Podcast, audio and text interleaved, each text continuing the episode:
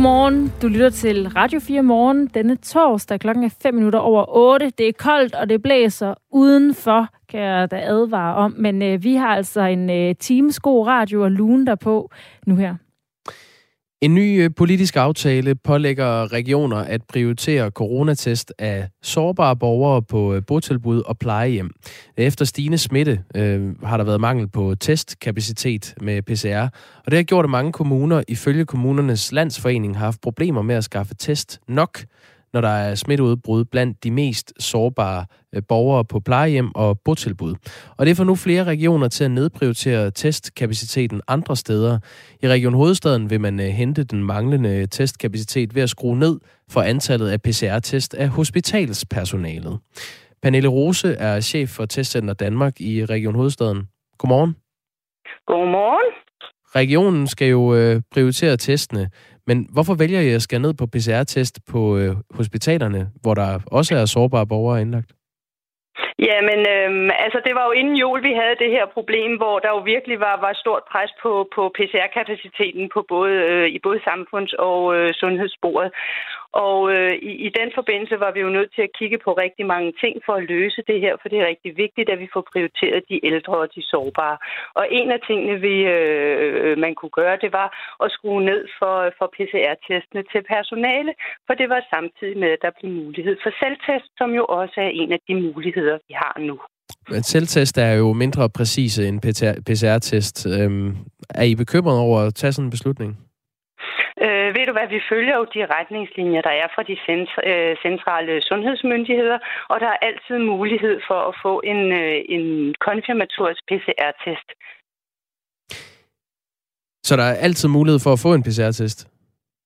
Ja, de konfirmatoriske PCR-test, man hvad, skal have. Hvad betyder det? har vi jo Jamen, det betyder jo, hvis man har en positiv, hvad hedder det, kviktest eller selvtest, så skal man jo have lavet en konfirmatorisk PCR-test. Oh ja, for at få konfirmeret det, det resultat, ja.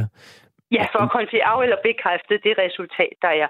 Samtidig har vi jo også øh, opskaleret på, på PCR-kapaciteten, så, så, øh, så, så i dag er det faktisk ikke et problem. Samtidig med, at vi jo også har øget antallet af, af udkørende, hvad hedder det, pude, øh, mobile enheder, så vi kan dække det her problem, eller har, har fået løst denne her udfordring, der kom, fordi smitten steg så meget i samfundet, og også på, på plejecentre og, og på tilbud. Det må du lige gentage. Hvordan har I fået løst problemet nu?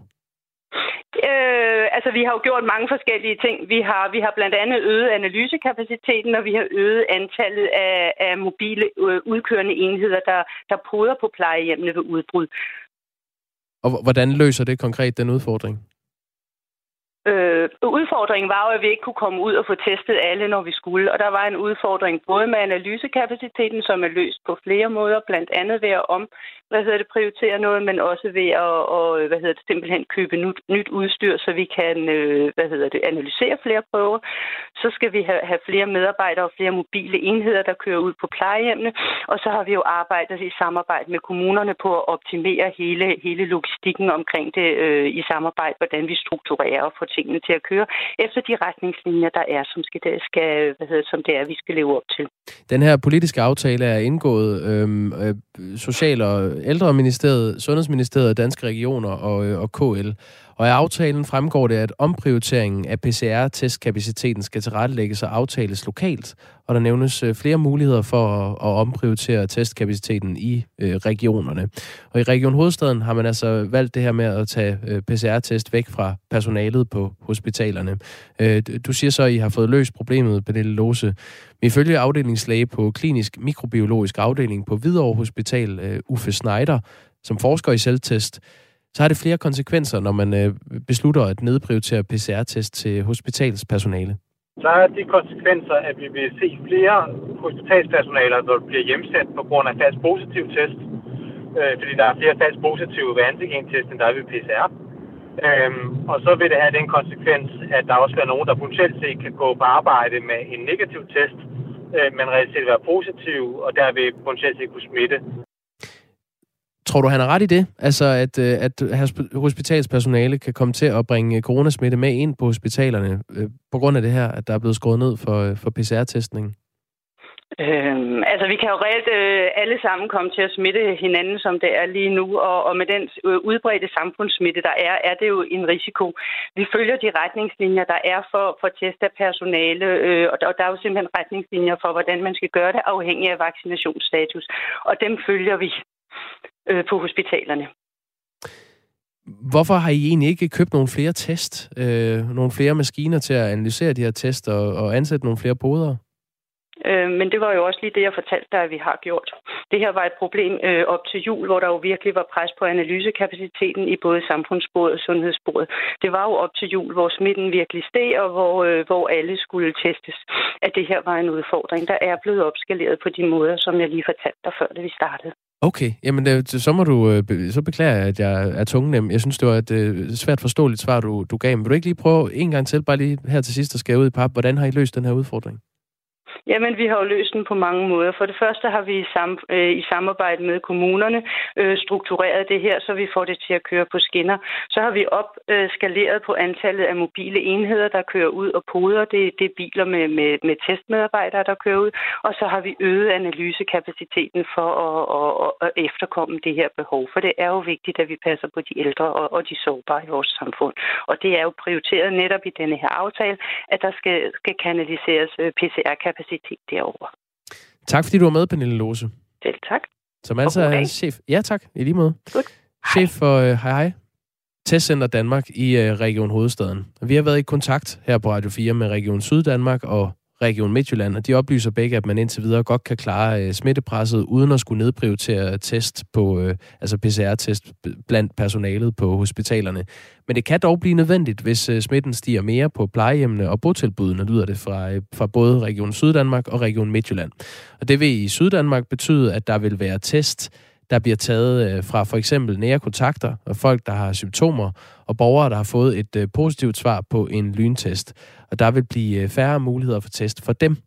I Region Midtjylland vil stigende smitte på plejehjem og botilbud betyde længere køer i testcentrene, oplyser Midtjylland til os her på radioen. Jeg kan oplyse, at klokken er 13 minutter over 8. Du lytter til Radio 4 Morgen med Jakob Grosen og Astrid Date. Og Jacob, jeg ved ikke, om du har set øh, denne her serie.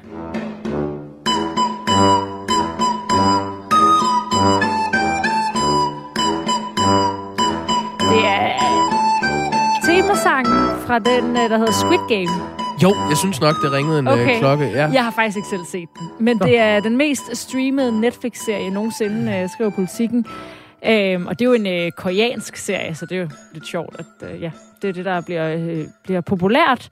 Øh, at det ikke er øh, noget typisk amerikansk, som øh, vi ser. Og så lyder overskriften, nu vil streaming giganten have mere. Og det her med at kalde øh, Netflix en gigant, det er altså øh, meget rigtigt, fordi der er også kommet en øh, rapport, der har kortlagt det europæiske tv-marked fra en øh, tænketank, der hedder European Audiovisual Observatory. Og de øh, peger altså på, at øh, Netflix er Europas tredje største tv-spiller. Og helt generelt, så er det altså rigtig meget amerikanske selskaber, der sidder på det europæiske tv-marked. I alt er det øh, næsten en tredjedel, de har. Og det tænker jeg bare var lidt interessant, det der med, hvad vi ser, og hvad det betyder for os, altså i forhold til at udbrede øh, sådan noget kultur og værdier, og altså fælles forståelse og sammenhængskraft, og sådan lidt øh, højdragende, i forhold til, ja, hvad vi ser i fjernsyn, og hvor det kommer fra. Og lige nu kommer rigtig meget det, vi ser fra, altså fra USA. Man kan sige, altså hvis man skal tage værdierne for pålydende, så er Squid Game ikke et uh, sted at starte. Uh, det, det er simpelthen en serie, der handler om, at, uh, at en masse uh, fattige mennesker uh, bliver hentet ind til at konkurrere mod hinanden i et dødsspil, der simpelthen uh, ender med, at måske, ja, nu skal jeg ikke spoil noget, men der ender med, at der står en tilbage. Nej, det mest sete på øh, den mest sete øh, streaming-gigant i Europa. Men, For... men det med, at de vil have mere, handler det om, at de vil have flere serier fra, øh, fra Asien? Øh, ja, fra helt konkret fra Korea. Altså ja. øh, sidste år, der producerede udgav Netflix 15 koreanske film og serier, og i år, der har tjenesten plan om at udgive 25, skriver The Hollywood Reporter. Jeg vil i hvert fald sige på øh, egne vegne, at jeg hilser det velkommen. Jeg synes, det er forfriskende at se noget fuldstændig andet. Man skal bare holde øje med underteksterne. Altså, man kan ikke kigge væk og følge med. Nej, fordi det er Det er ikke second screening. Øh, nej. nej. Det er ikke, øh, hvad hedder det, dobbelt screening, ikke? Det der med, når folk sidder både med telefonen og mobil. Man bliver simpelthen nødt til at sidde og koncentrere sig. Præcis.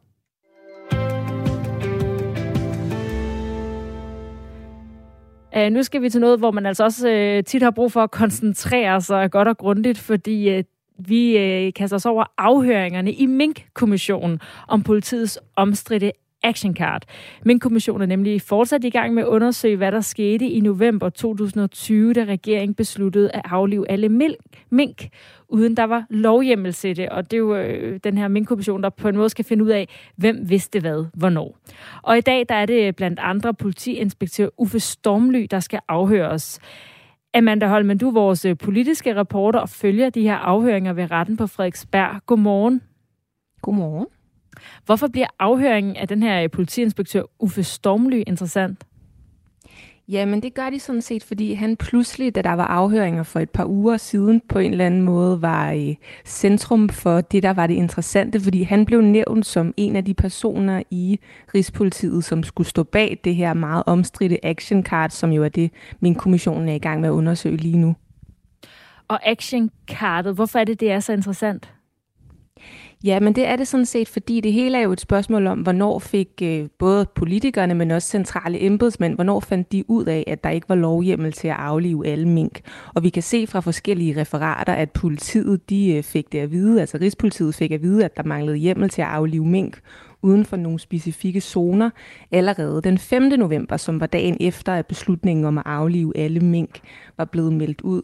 Men alligevel så nåede en, kan man sige, en formulering, et specifikt action card at blive taget i brug dagene efter, selvom Rigspolitiet godt vidste, at der ikke var hjemmel til at aflive alle mink. Og i det her action card, som var, kan man sige, en slags talepapir til de betjente, der skulle ringe til minkavlerne og ligesom tale med dem om, hvorvidt de ønskede at samarbejde med myndighederne, der stod der, at øh, med at politiet skulle så snakke med minkavlerne med henblik på at øh, komme ud på deres besætninger og tælle deres mink.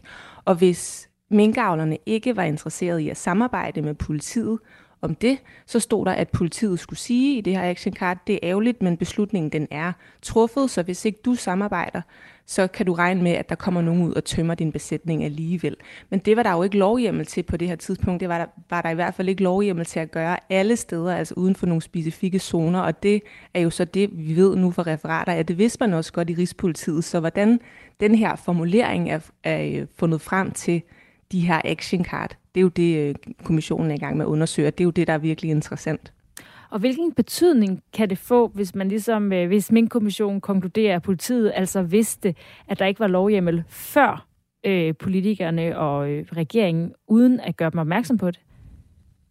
Jamen, det er jo også noget af det, min kommissionen skal i gang med, at, øh, eller skal man sige, de skal konkludere for det første, hvem kan holdes til ansvar, og hvad kan de præcis holdes til ansvar for, og så skal de jo også komme med en vurdering af præcis, hvad er det for nogle forsømmelser, man har gjort, og har man gjort det bevidst, eller har man gjort det uagtsomt, og det kan jo både gælde politikere, men det kan i den grad også gælde embedsmænd i hele den her sag, altså både embedsmænd i politiet, men jo også embedsmænd i de forskellige ministerier, og det er jo det, vi stadig må vente lidt i spænding på, når min kommissionen engang kommer med deres konklusion af det hele. Ja, så lad os øh, holde os til i dag. Hvad bliver ellers interessant Jamen noget af det, som jeg sagde lige før, altså Rigspolitiet blev bekendt med den manglende lovhjemmel allerede den 5. november, som er tre dage før det kom frem i offentligheden. Og vi ved fra et øh, referat, som fremgår alle mulige forskellige steder i forskellige undersøgelser, at lige præcis Uffe Stormly, som jeg også nævnte før, han var også til stede på det her møde den 5. november.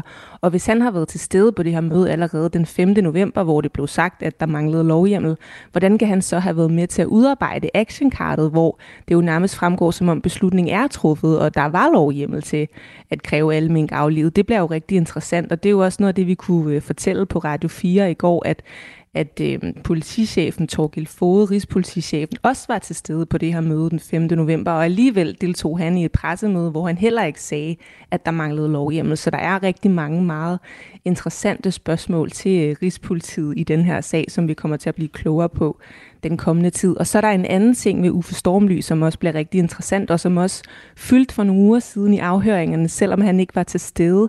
Og det er et referat fra et møde nogle dage senere, altså den 9. november, efter det var kommet frem i offentligheden, at der manglede øh, lovhjemmel til at aflive alle mink. Og på det her møde, der skulle Uffe Stormly angiveligt have sagt, at øh, lovgivningen om at aflive alle mink, den, øh, den mangler det, den, har, den er ikke på plads endnu, men operationen fortsætter, med mindre andet bliver meldt ud. Og præcis hvad han har ment med den her formulering, som øh, står i et referat fra et møde den 9. november, altså det bliver jo også rigtig interessant at, at høre fra afhøringerne i dag. Altså at finde ud af, om man øh, jeg har vidst, at øh, man var i gang med noget, der rent faktisk var ulovligt. Amanda Holmen, øh, politisk reporter her på Radio 4, der altså følger de her afhøringer. Tak fordi du var med igen her til morgen. Selv tak. Og øh, Amanda følger selvfølgelig også øh, afhøringerne næste uge, hvor det øh, bliver interessant at høre Rigspolitichef Torkild Fode, der er en af de centrale personer i det her forløb, da han netop jo er Rigspolitichef, og øh, samtidig også var med på det pressemøde, hvor det blev fortalt, at øh, aflevning af alle mink skulle finde sted.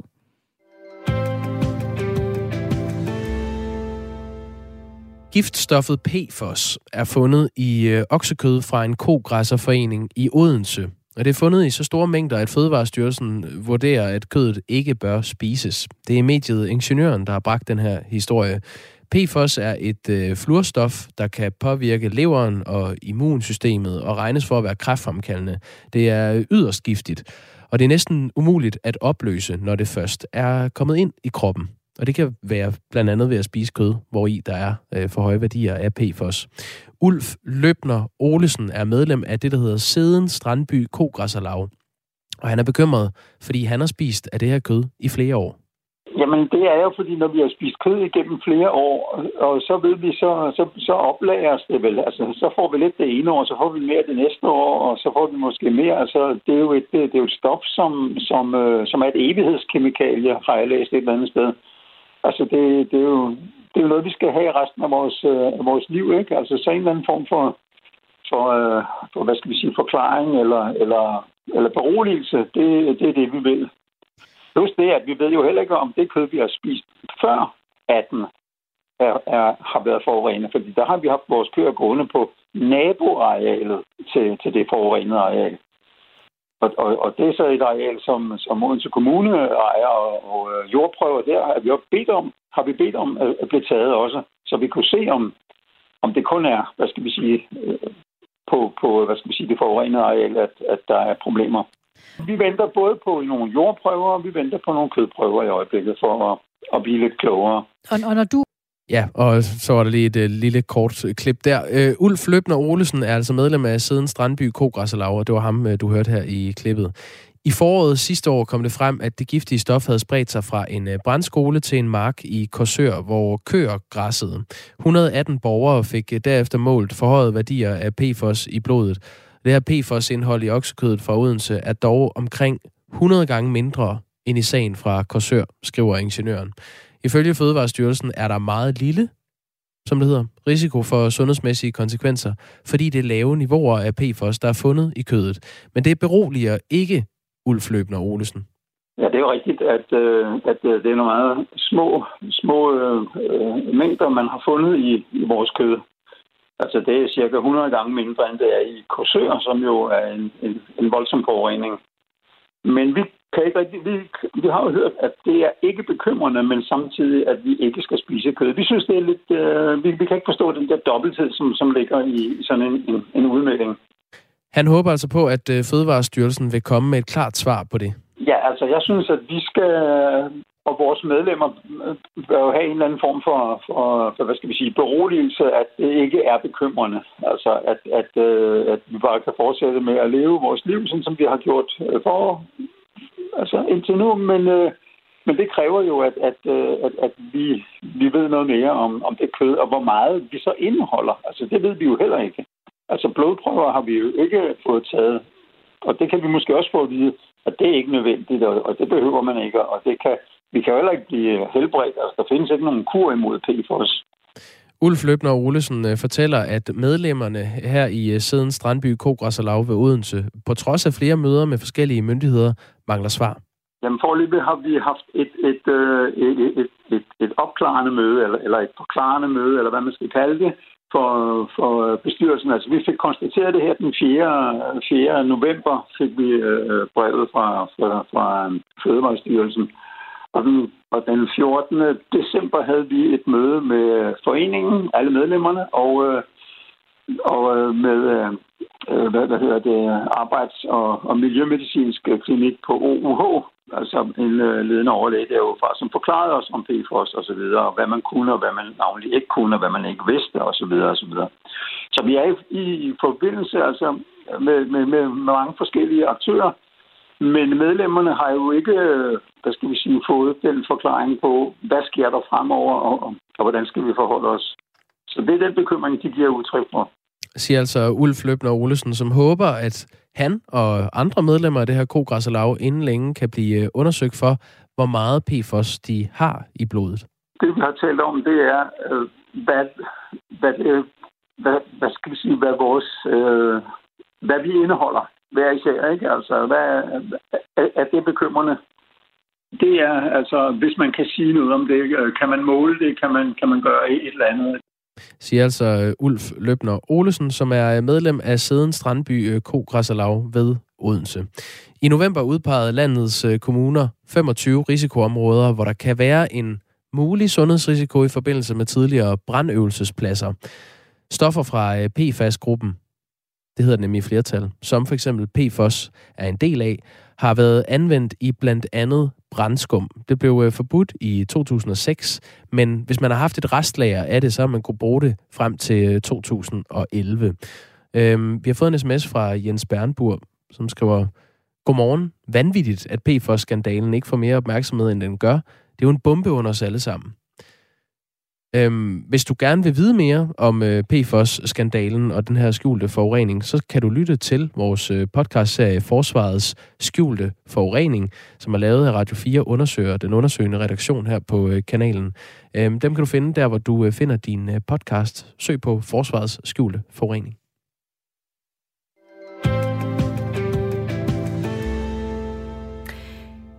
Der er også den, der er skrevet ind med et øh, spørgsmål. Det er Michael, som skriver, Hej, vil I eventuelt se nærmere på, at CDC ikke længere, længere anbefaler PCR-test?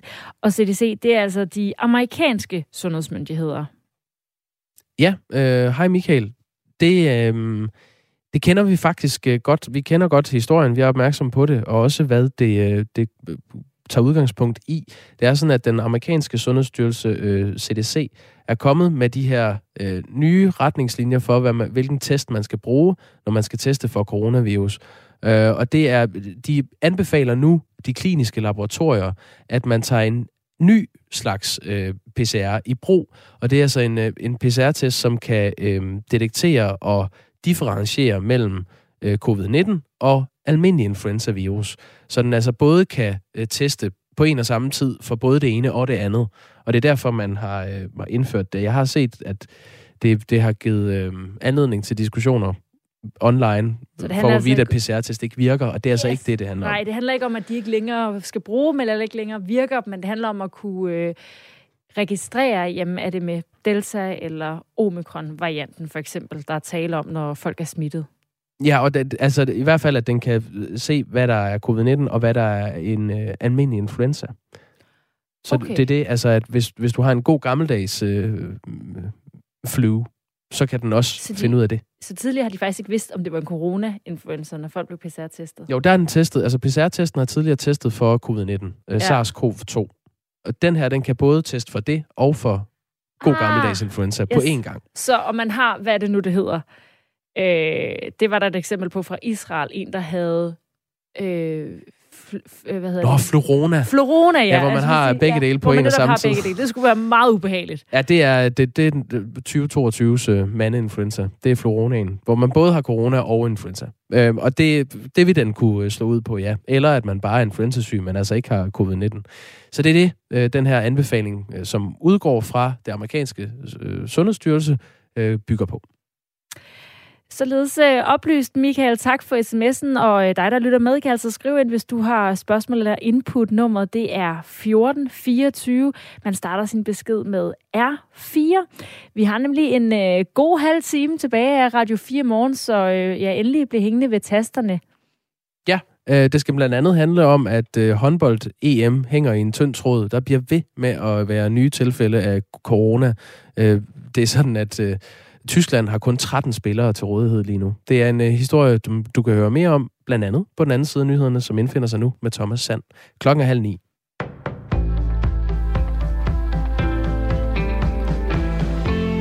Den seneste måned er en tiende del af befolkningen blevet smittet med coronavirus, det viser tal fra Statens Serum Institut. Siden 19. december er der registreret knap 618.000 smittetilfælde. Det svarer til over 10 procent af den danske befolkning. Heraf er en mindre andel blevet smittet igen. I går bød det på den hidtil højeste andel daglige smittetilfælde med knap 39.000. Statens Serum Institut anslår i sin seneste prognose, at smitten ventes at stige frem til slutningen af januar, hvor antallet af daglige smittetilfælde kan ende op mod 55.000. Med det høje antal smittetilfælde følger også et stort antal nære kontakter, som skal gå i isolation. Erhvervslivet og flere af de borgerlige partier i Folketinget har opfordret til at forkorte isolationsperioden, fordi mange arbejdspladser kæmper med stort sygefravær. Det er Sundhedsstyrelsen, der står for at udarbejde retningslinjer omkring isolation.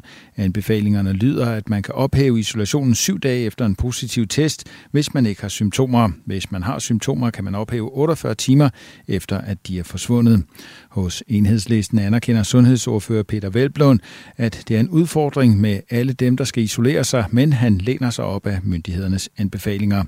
Det handler om at finde balancen, så vi på den ene måde sikrer, at vi kan holde både skoler, institutioner og erhvervsliv åbne, og sikre, at folk kan komme på arbejde, men samtidig undgå, at vi får smittet alt for mange. Det er jo det, som isolationsbestemmelserne er med til, så vi ikke oplever, at epidemien stikker af, så vi bliver endnu mere belastet, lyder det fra Peter Velblom. Hospitalsansatte i Region Hovedstaden kan se frem til færre PCR-test og flere selvtest. Der er nemlig for få af de mest nøjagtige test, PCR, og derfor pålægger en ny politisk aftale regionerne at prioritere coronatest af sårbare borgere på botilbud og plejehjem. Efter stigende smitte har der været mangel på testkapacitet, og det har gjort, at mange kommuner, ifølge kommunernes landsforening, har haft problemer med at skaffe test nok, når der er smitteudbrud blandt de mest sårbare borgere på plejehjem og botilbud. Og det får altså nu flere regioner til at skulle nedprioritere testkapaciteten andre steder. I Region Hovedstaden henter man den manglende testkapacitet ved at skrue ned for antallet af PCR-test af hospitalspersonale. Og det bekymrer formand for Dansk Sygeplejeråd Hovedstaden, Christina Robbins. Det mest sikre er jo selvfølgelig en PCR-test, det, det ved vi. Øhm, så derfor kunne det få den konsekvens, at vi vil se en stigning af, hvad hedder det, uopdaget smitte blandt personalet. Der er foreløbig intet, der tyder på, at minkavl for alvor igen bliver aktuelt i Danmark. Der er midlertidig forbud mod at opdrætte mink, og det har der været siden millioner af mink blev slået ned i vinteren 2020 af frygt for mutation af coronavirus. Det skal være muligt fra næste år, men endnu er der ingen minkavlere, der har søgt om at få støtte til det. Den voldsomme nedlukning af hele erhvervet for halvandet år siden betyder, at det er næsten umuligt at starte igen, siger Tage Pedersen, der er formand for minkavlerne. Den samlede pris for minkerstatningen kan blive op mod 19 milliarder kroner. I dag har minkavlerne haft en måned, hvor de kunne søge erstatning for en permanent nedlukning eller om en dvaleordning, hvor de kan genopstå i fremtiden. Forløbig har 261 minkvirksomheder søgt om permanent nedlukning ud af de i alt 1060 bedrifter, der var i Danmark i 2019. Det svarer til omtrent hver fjerde. Ingen har søgt om dvalekompensation, oplyser Fødevarestyrelsen. De har frem til 1. april til at søge. Joe Biden fortsætter med vicepræsident Kamala Harris ved sin side ved præsidentvalget i 2024. Det bekræfter han natten til i dag dansk tid. Hun bliver min makker, siger Biden på et pressemøde. Det fandt sted i forbindelse med, at Biden i dag har været præsident i et år. Nogen eller en del sol, men også stedvis snebyer, især på Sjælland. Temperaturer omkring 2 graders varme. Risiko for stedvis sneglatte veje, især i de sydøstlige egne af landet.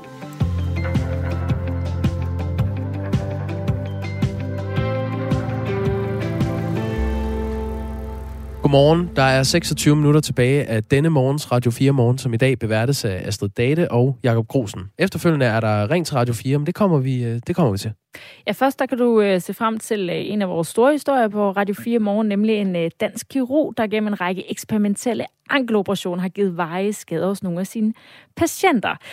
Øh, vi skal også have en øh, fødselsdagsquiz, og så skal vi altså også høre om, øh, som du nåede at tease for, øh, Jakob, om øh, håndbold, hvor der er rigtig meget corona og en masse syge spillere, og vi skal høre, er det en fordel ulempe for det danske hold, at øh, de kan blive ramt af det? Men først altså øh, eksperimentelle ankeloperationer.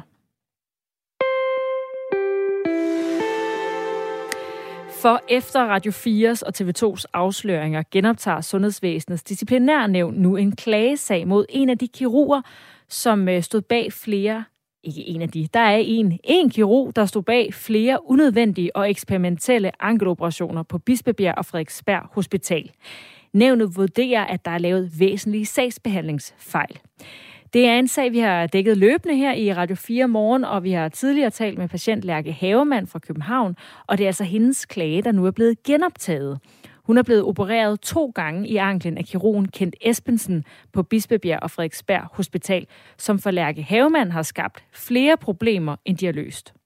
Den er sådan ekstrem stiv i det. Altså, jeg kan næsten ikke bevæge den, og, og jeg har rigtig, rigtig mange gener, når, jeg, når jeg skal gå, og så bliver jeg jo ved og ved med at komme ind på hospitalet, fordi at den første operation ikke er gået som, den, som, som ønsket, og så, øh, så bliver jeg også skeduleret til en, en, en reoperation eller en ny operation. Derfor klagede Lærke Havemann over kirurgen til Sundhedsvæsenets disciplinærnævn i 2019, men nævnet afviste klagen. Året efter forsøgte Lærke Havemann så at få genåbnet sagen, fordi en speciallæge fra patienterstatningen havde vurderet, at hun var opereret uden grund. Hendes MR-scanninger viste nemlig, at hendes ledbånd i anklen havde det fint, men efterfølgende sagde kirurgen Kent Espensen, at Lærkes ledbånd var revet over, og derfor havde hun brug for en operation. Men disciplinærnævnet afviste alligevel at genoptage klagen. Og det vil altså sige lige indtil nu, hvor de har genoptaget sagen alligevel. Ken Christensen, du er lektor i sundhedsret ved SDU. Godmorgen. Godmorgen. Hvad tænker du om, at øh, den her sag er genåbnet? Jamen, det synes jeg er rigtigt. Og det er det, fordi nævnet har truffet afgørelse på grundlag af en journal, der ikke er retvisende. Og når nævnet gør det, så betyder det jo også, at den afgørelse, der er truffet, den er truffet på et forkert grundlag. Og derfor der er det også rigtigt af dem, at de genåbner sagen. Ja, for øh, journalen, du henviser til, det er altså kirurgens journal, som øh, de i begyndelsen har truffet afgørelse på baggrund af. Ja, det er korrekt. Og du har så set det brev, som Sundhedsvæsenets disciplinærnævn har sendt til Lærke Havemann. Hvad hæfter du der ved der? Det, jeg måske hæfter mig særligt ved, det er, at man begrunder genoptagelse med, at der er kommet væsentlige nye, nye oplysninger frem, som er egnet til at påvirke afgørelsen. Det jeg læser, det er, at myndigheden de anerkender, at de har truffet afgørelsen på et grundlag, der ikke har været retvisende. Det er sådan, at når en myndighed træffer afgørelse i en sag, så har de ansvaret for, at sagen den er tilstrækkeligt oplyst, at de oplysninger, man lægger til grund for afgørelsen, de er retvisende og de er korrekte. Og når det ikke er det, når det er mangelfuldt, og den mangelfuldhed, den også kan have betydning for den afgørelse, der er truffet, jamen så har man ansvar for at genoptage sagen. Og det er jo så det ansvar, de tager på sig i Lærke Havemands sag. Synes du, de tager det på sig lidt for sent, i forhold til, at de jo i første omgang har afvist det to gange? De skal jo have et kendskab til det misforhold, der er imellem de scanningsbilleder, som viser én ting, at ledbåndet ikke er øh, revet over, og så det, der er anført i patientjournalen. Og det er jo så den oplysning, de har fået nu, og det er det, der er anledning til, at de genoptager sagen. Så det er svært at sige, om der er øh, gået for lang eller for kort tid. Det, det beror på her, det er, at det er den nye oplysning, der gør, at de genoptager sagen. Og den nye oplysning er altså en radiolog, der har vurderet noget andet, hvor kirurgen skrev i journalen, at hendes ledbånd var revet over. Ja, og det kan man se på baggrund af de scanningsbilleder, der er taget. Radio 4 har kendskab til øh, flere patienter, der har fået foretaget de her omdiskuterede ankeloperationer. Det er kirurgen Kent Espesen, der står bag størstedelen af operationerne. Mener du, der er grundlag for at give kritik af kirurgen i den her sag? Han har allerede fået øh, taget sin autorisation fra sig. Altså, når han har fået frataget sin autorisation, så er det fordi, at der har været noget galt med fagligheden i den behandling, der er blevet udført. Når vi ser på de sager, vi har kendskab til her, så er der en del, der peger på, at der er grundlag for at give kritik. For det første, så er den band, der er blevet udført, den er eksperimentel, og den skete uden for rammerne de regler, der gælder for at gennemføre forsøg. For det andet, så har journalføringen været mangelfuld, fordi man noterede en ting i journalen, som det ikke var grundlag for, når man ser på scanningsbillederne. Og så for det tredje, så har man jo gennemført behandling i en situation, hvor der ikke har været et lægefagligt belæg for det, så det er under almindelig anerkendt faglig standard. Og de elementer, det er alle sammen elementer, der i de konkrete sager bør give anledning til at give kritik. Hvorfor er det så først nu, at Sundhedsvæsenets disciplinærnævn vælger at genåbne sagen om øh, Lærke Havemand og hendes øh, operationer, der altså blev foretaget uden grund? Jamen det gør det jo, fordi de nu har kendskab til, at de har i Lærke Havemanns sag har truffet afgørelsen på et forkert grundlag. De har lagt en udtalelse til grund for den pågældende kirurg, og den udtalelse den har været forkert. Og det kan man så også dokumentere. Og det er grunden til, at det genåbne sagen. Fordi den oplysning, de manglede, den er egnet til at påvirke afgørelsen. Altså, man regner med nu, at der er så tilstrækkeligt veloplyst grundlag for, at afgørelsen vil blive en anden, når den bliver genoptaget. Og det er altså Radio 4 og TV2, der har samarbejdet om den her historie og fået oplysningen frem om, at der altså har været en radiolog, som har vurderet noget andet end den her øh, kirurg i forhold til hendes ledbånd. Hvad betyder det for alle de øh, almindelige danskere, der ikke har noget øh, medie til at undersøge deres sag? Der er ikke nogen tvivl om, at den opmærksomhed, der er blevet skabt omkring sagen, det har været en af grundene til, at man genoptage sagen. Og som du også selv siger, så er det også en genoptagelse, der sker, der sker forholdsvis hurtigt. Og så betyder det jo også, at man kan sige, at, at i det her tilfælde, jamen, der har Lærke Havemann jo så også fået noget hjælp til at få genoptaget sagen, fordi det er nogen, der har sig, der taget sig tid til øh, at sætte sig ind i sagen, og det er grundlæggende den er truffet på. De vælger at genoptage sagen øh, på grund af væsentlige sagsbehandlingsfejl, som de øh, selv skriver. Hvor almindeligt er det det er normalt rigtig svært at få genoptaget en sag. Der skal rigtig meget til. Øh, og når man kalder det almindelige eller væsentlige sagsbehandlingsfejl, så er det sagsbehandlingsfejl, der skal være egnet til at påvirke afgørelsen. Og den fejl, man mest bruger i de få tilfælde, hvor man genoptager sager, det er, at der er fremkommet nye oplysninger, som man ikke kendte dengang man træffer afgørelsen i sagen. Og det er det, der skal til for at få genoptaget en sag. Og genoptagelsen, det sker sjældent. Vi ved, at Lærke Havemann ikke er den eneste, der har klaget over de her behandlinger hos Sundhedsvæsenets disciplinærnævn. Hvis der findes andre sager med væsentlige sagsbehandlingsfejl, hvor kirurgen har skrevet noget andet end for eksempel hvad en radiolog har vurderet, hvad skal der så ske med de sager? Jamen, der skal ske det samme de sager, som der sker nu i Lærke Havemanns sag. De sager, de skal genoptages, og det skal de af samme grund. Man har truffet afgørelse på grundlag af en journal, der ikke er retvisende. Og det er grundlag for at genoptage sagerne. Ken Christensen, tak fordi du var med. Det var så lidt lektor i sundhedsret ved SDU. Vi vil jo også gerne have haft den indklagede kirurg Kent Espensen med, men han har ikke ønsket at kommentere på sagen, og Sundhedsvæsenets disciplinærnævn ønsker heller ikke at svare på spørgsmål om sagen. Du kan høre meget mere om det her øh, forløb og de her eksperimentelle behandlinger i vores øh, program Radio 4 Undersøger, som har været med til at afsløre, hvordan det her har foregået i næsten i et årti på et større antal patienter. Du finder serien, som hedder Det kirurgiske eksperiment, som podcast på Radio 4's hjemmeside, i vores app eller iTunes, Spotify, hvor du end hører din podcast. Og så har vi altså et tredje afsnit af den her radioserie, som bliver sendt live her på kanalen klokken 5 minutter over 1.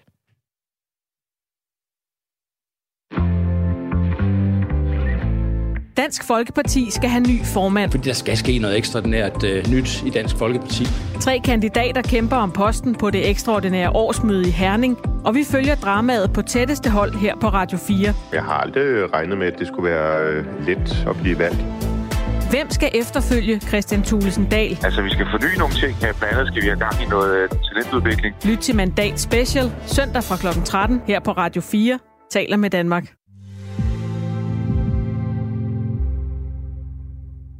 Det er blevet øh, tid til en øh, fødselsdagsquiz, og min debut som øh, quizmaster, Jakob Grosen, Det er jo øh, konceptet her på Radio 4 Morgen, hvor man markerer ikke en fødselsdag som sådan, men øh, man kan sige en øh, markeringsdag. Altså i dag er det for eksempel 45 år siden, den 20. januar 1977, at det her skete. Would you place your left hand on the Bible and raise your right hand and repeat after me? I do solemnly swear. I do solemnly swear. That I will faithfully execute. That I will faithfully execute. Det er indsættelsen af USA's 39. præsident for 45 år siden i 1977. Og første spørgsmål er, hvem er det? Nå, det er derfor, jeg sad, jeg sad og undrede mig over, at du havde pipet det ud, eller om det var dig, der havde gjort det. Det har jeg. Ej, var det smart du må gjort. jo ikke høre, hvad det er. Nej, nej, det er da klart. Okay, så er quizzen i gang. Jamen, øh, det er i 77, siger du? Mm, Nixon. nej. Det er Jimmy Carter, Ah, det er Jimmy Carter. Sørens også. øh, som øh, ja, cementerede sit ry som fredsmaler i sin øh, præsidentperiode, da han gennemførte de historiske fredsforhandlinger mellem Ægypten og Israel i Camp David øh, i nær, nærheden af Washington. Og han fik også øh, Nobels fredspris, Jimmy Carter, i øh, 2002. Han var præsident i fire år indtil 1981. Ja. Hvor mange statsbesøg havde Jimmy Carter i Danmark? Uh. På fire år. Fra 77 til 81. Der var han i Danmark en enkelt gang. Nej, To gange. nej, Han var her ikke. han var slet ikke. Nå, Jeg tror, den første, der var her, var Bill Clinton. Okay. Så vi har simpelthen ikke haft en uh, amerikansk præsident uh, på besøg før det? Nej. Nå. Jamen, uh, båndene blandt, uh, mellem uh, USA og Danmark er også kun blevet tættere i nyere tid. Nul, øh, nul besøg i Danmark. Så øh, ja. Det var ikke relevant Ej, for Jimmy. det, jeg har lavet en svær quiz. Der er ingen rigtige endnu ud af to. Det er fint nok. Tredje spørgsmål er så, hvor mange mænd hedder Jimmy i Danmark pt? Øhm... Ah, Der, der er meget sådan, du får, altså du bør ikke ramme det præcise. Der får du et cirka rigtigt svar. Altså, jeg, jeg vil ikke øh, opremse dem alle, men øh, vi har jo Jimmy Jørgensen. øh, Jimmy Nielsen, en, øh, en øh, legendarisk målmand fra, øh, i fodbold fra Aalborg. Jeg tror, vi har... Øh, øh, der er øh, 240 Jimmy'er. Ja, det er lidt for få. 500 Jimmy'er. Der er 3.300 Jimmy'er her 1. alligevel det? januar i år. Ja. Jimmy, hvis du lytter med, så send lige en sms, så ved du er der. Så er det næste spørgsmål. Hvem er den mest kendte af dem? I Danmark. Mm. Det er Jimmy Jørgensen. Og Jeg vil gøre alt for dig, som du kan lide. det er Jimmy Jørgensen, der sammen med Peter Frodin synger den her øh, sang Vent på mig. Ja, hvad, lad, lad os lige... Øh, skal vi ikke lige have det under øh, neglene her?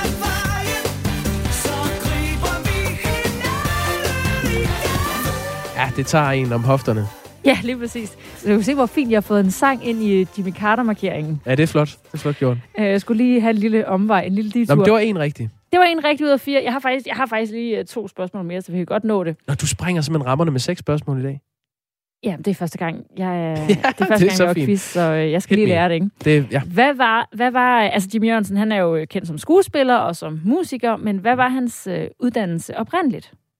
Jamen, han er... Øh, åh, han er, han er sådan... Han er kleinsmed, eller VVS'er, eller Du tømrer. får, ja, det er rigtigt. Han er blikkenslager, tror jeg. Ah, ja, ikke? okay. Jeg havde endda tre muligheder. Flot. Nå. Nå, så er det øh, næste. Hvad uddannede den tidligere amerikanske præsident Jimmy Carter så oprindeligt til? Nu er vi tilbage ved den gode gamle. Og du kan få tre muligheder. Ja. Statskundskab, ingeniør eller blikkenslager. Det vil være sindssygt øh, coincidence, hvis han var blikkenslager. Jeg tror, han var øh, statskundskaber. Nej. Han var ingeniør. Han var ingeniør. Okay. Nå, Sørens. Det var et snyde. Ja, det var det spørgsmål. Fair nok. Han var ingeniør. Nej, men flot. To, ja, jeg må også sige, det har været en lidt svær quiz. To ud af seks rigtige. Jeg kan godt lide, at Jimmy Carter-quizzen handlede mere om, øh, om Jimmy Jørgensen. Der er jeg også mere på hjemmebane, vil jeg sige. Det var bare fordi, nu kan lige høre første klip igen. Musikken dengang fra er bare meget... Øh... Der er ikke så meget hoftesving i det. Det kan du sige.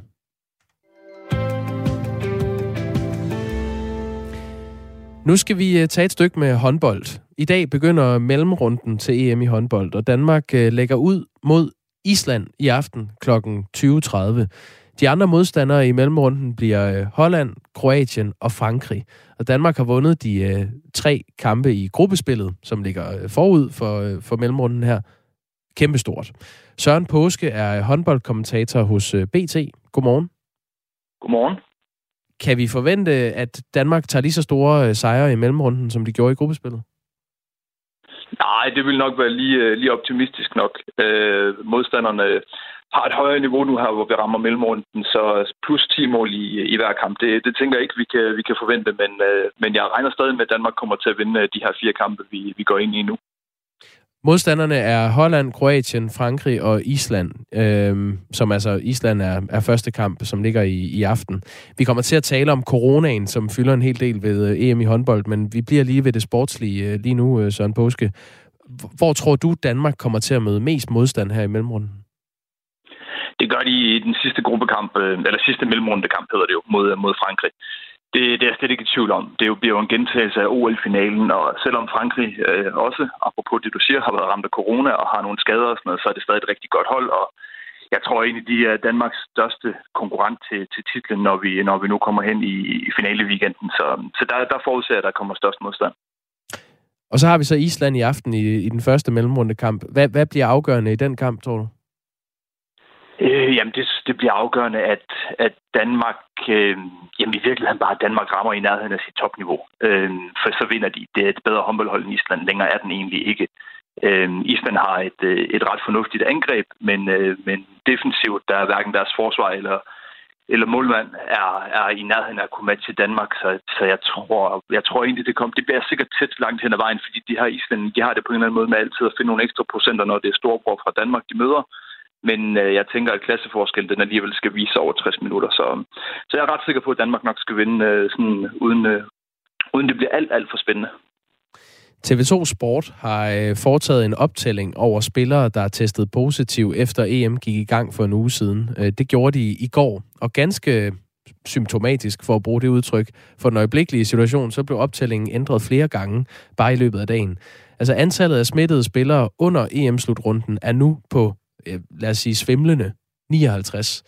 Det svarer sig til, at der i gennemsnit er mere end to tilfælde på hvert hold. Altså to spillere, der er ramt af corona på, på alle hold. Senest er også den islandske trup blevet ramt af corona. Der er tre spillere, der er blevet testet positiv øh, der. Er det en fordel eller en ulempe for Danmark, at, øh, at Island har øh, spillere ude med corona? Øh, jamen altså, isoleret set på aftenens kamp er det jo en fordel, fordi så er Island svækket. Men men jeg skal da være ærlig at sige, nærmest min største bekymring for den her kamp, det er jo, at Danmark løber ind til en kamp, hvor de skal stå øh, og øh, svede side om side og, og røre ved, ved islændinge, som potentielt kan have smidt i kroppen. Øh, fordi der, det bliver ligesom i sagens natur lidt svært at holde afstand, når man spiller en håndboldkamp. Øh, og vi kender jo alle sammen de her øh, med inkubationstid og så videre, øh, altså i forhold til, til, til smitten, så det kan jo godt være, der løber islændinger rundt med smitte i kroppen, som ikke er testet positiv endnu.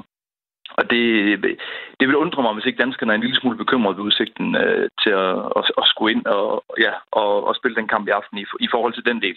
Jeg har set flere øh, argumentere for på, på sociale medier og sådan meningsdanner omkring håndbolden, øh, argumentere for, at man bør øh, simpelthen aflyse, afblæse slutrunden, øh, fordi der er så meget corona-smittespredning øh, blandt de forskellige landes øh, hold.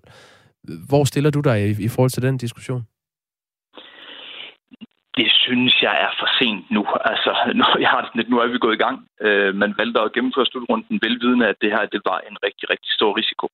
Øh, og også øh, med den, øh, altså vi havde altså den viden, da vi gik i gang, at mange af holdene allerede havde smitte ind i, ind i trupperne, fordi mange, mange hold var ramt af det i deres respektive træningslejre rundt omkring. Øh, så så jeg, jeg synes nu, at vi gået i gang, så må man, man spille det til ende. Men, men det er klart, det er, jo ikke, det er jo ikke fedt for nogen, det her dybest set. Altså, fordi det, det har jeg også det har jeg sådan, øh, skrevet flere gange undervejs, at det ender jo med, at, at coronaen øh, og test og smitte, og hvem får lige taget en forkert ske i en buffet og sådan noget, kommer til at afgøre øh, det her EM, i stedet for, at det bliver noget sportsligt. Og det er jo selvfølgelig øh, ja, sindssygt ærgerligt, hvis, hvis vi ender der, men, men det er jo også lidt bare de vilkår, vi har i vores samfund lige nu. Tyskland er jo det hold, der er allerhårdest ramt lige nu. Øh, de har virkelig mange tilfælde. De har flere end 10 spillere her under turneringen, der har været smittet med corona. Og der går rygter om, at det tyske håndboldforbund overvejer at trække sig. Øh, hvad vil det betyde, hvis et hold som Tyskland trækker sig så langt inde i turneringen? Jamen, en ting er jo de sportslige ting, så forventer jeg, at alle de modstandere, de skal møde, de bare bliver, øh, altså så får de tildelt to point formentlig. Men, men noget andet er jo sådan, hvad kan man sige, hvad EHF, øh, det europæiske håndboldforbund, har tænkt sig at gøre, om man så vil sanktionere mod tyskerne. Øh, fordi det kan jo godt give, give både bødestraf og, og potentielt også altså worst case noget, noget udelukkelse måske øh, senere hen, men nu tænker jeg, at Tyskland er så nok så stor en håndboldnation, at man, man ikke rigtig har råd til at lægge sig alt for meget ud med den, men, men det er jo sådan nogle ting, vi potentielt kan kigge ind i. Lige her til sidst, Søren Påske, er der, er, hvad er den sportslige værdi i at vinde et EM, hvor så mange lande er pladet af coronavirus? Jamen, jeg tror, hvis du spørger Niklas Landin og Mikkel Hansen, når de står, hvis de står med guldet om halsen øh, næste søndag, så tror jeg, de er glade alligevel. Øh, yeah. Altså, det, det, det, var, det var jo det samme sidste år i, i Ægypten, da der var VM. Der var man også til en slutrunde, hvor man ikke rigtig vidste, hvad, hvad, hvad fanden det egentlig, egentlig skulle, skulle ende med. Og, altså, det er, jo lidt, det er jo de vilkår, folk er rejst til den her slutrunde øh, under, og, og så tror jeg, så er man stadig glad for, eller selvfølgelig er man stadig glad for at vinde den. Øh, så kan man jo så sidde og kigge i historiebønder om, øh, om 15 år, og så sige, at det var også fordi sådan og sådan, men der er stadig et hold, der har vundet, og det vil jeg, det vil jeg antage, at man stadig er glad for. Tak fordi du var med, Søren Påske. Selv tak. Som altså er håndboldkommentator på BT, og det er i aften, at Danmark øh, lægger ud i mellemrunden med en kamp mod Island. Det er kl. 20.30. Senere i dag kan terroristen og massemorderen Anders Bering Breivik blive prøveløsladt. Breivik gennemførte som bekendt i juli 2011 et terrorangreb på øen Ytøjer og ved, et regering, og ved regeringskvarteret i Oslo. I alt 77 mennesker mistede livet. I 2012 blev den nu 42-årige Breivik idømt forvaring i 21 år. De norske regler siger så, at man kan anmode om prøveløsladelse efter afsoning i 10 år, og den mulighed har Breivik altså benyttet sig af. Retssagen startede i tirsdags og forventes afsluttet i dag. Christian Lundø var på øen Ytøjer, og han mener, at prøveløsladelsen kan blive en sejr for demokratiet. Jamen, øh, et eller andet sted, så er det jo et tegn på, at vores øh, retsstat, den, øh, den fungerer, som den skal. Øhm, det, det er jo sådan, at med nogle af de værdier, som, som han angreb den dag, det var jo blandt andet troen på kriminalomsorg i Norge og, og, og retsstaten. Så øh, jeg vil jo kalde det en, en sejr for demokratiet øh, og, og retsstaten, hvis det er, at, ja, at han er rehabiliteret. Øh, nu er der så nogle ting, der tyder på, at, at det er han ikke, men det er vigtigt, at man ikke øh, lader sig påvirke så meget af subjektive følelser, at man øh, vil fratage et, et menneske, fordi det er jo et helt almindeligt menneske et eller andet sted, sin, sin rettigheder. Christian Lundø, der altså er en af de overlevende fra terrorangrebet på øen Ydøjer, ville have det dårligt med at møde Breivik på gaden, men han mener altså, at folk skal have en chance. Jeg, jeg, jeg tror på, på, vores, på vores retsstat, og, og det er jeg også øh, er også ret overbevist om, at stort set alle, der var på øen den dag, øh, sidder tilbage med den samme følelse. Selvfølgelig, det her, nu diskuterer vi det ud fra et hypotetisk standpunkt, og det er klart, mm. at øh, jeg vil jo også have det stramt med, og det sagde jeg allerede øh, tre uger efter det skete, jeg vil jo have det stramt med at møde ham på gade, men der skal altid være en mulighed for det, fordi at jeg tror på rehabilitering. Jeg tror på, at vi ikke straffer for at straffe, men vi straffer for at give folk en chance i livet. Vi straffer for at øh, ja, og, og give folk muligheder for at komme ud i samfundet og være øh, borgere, der kan bidrage til vores fællesskab igen. Øhm, og det er, det, det er et meget vigtigt standpunkt at holde fast i, øh, og det er også meget vigtigt for mig personligt, at jeg ikke lader mig påvirke af min, øh, min, mine følelser, men at jeg, ja, jeg holder mig til det, det til, jeg tror på. I 2012 blev Breivik idømt forvaring i 21 år, og det her er altså første gang, han søger om prøveløsladelse. Men selvom Breivik bliver løsladt enten i dag eller på et andet tidspunkt, kan Christian Lundlø ikke tilgive det, der skete på Ydøjer. Jeg har jo øh, tidligere sagt, at mit had, så at sige, og min følelse af det her ikke har noget med, med reelt set med Breivik at gøre, men med den ideologi, han repræsenterer. jeg vil aldrig nogensinde kunne tilgive, at nogen tager andres liv øh, på baggrund af en tro om, at nogen er mere værd end andre. Det kan ikke tilgives. Og retssagen bliver altså afgjort senere i dag i Norge. Det er øh, længe ventet, hvad der kommer til at ske der. Det var øh, alt, hvad vi øh, havde valgt at bringe i Radio 4 morgen i dag. Lige om lidt er der Ring til Radio 4, men nu er der nyheder klokken 9.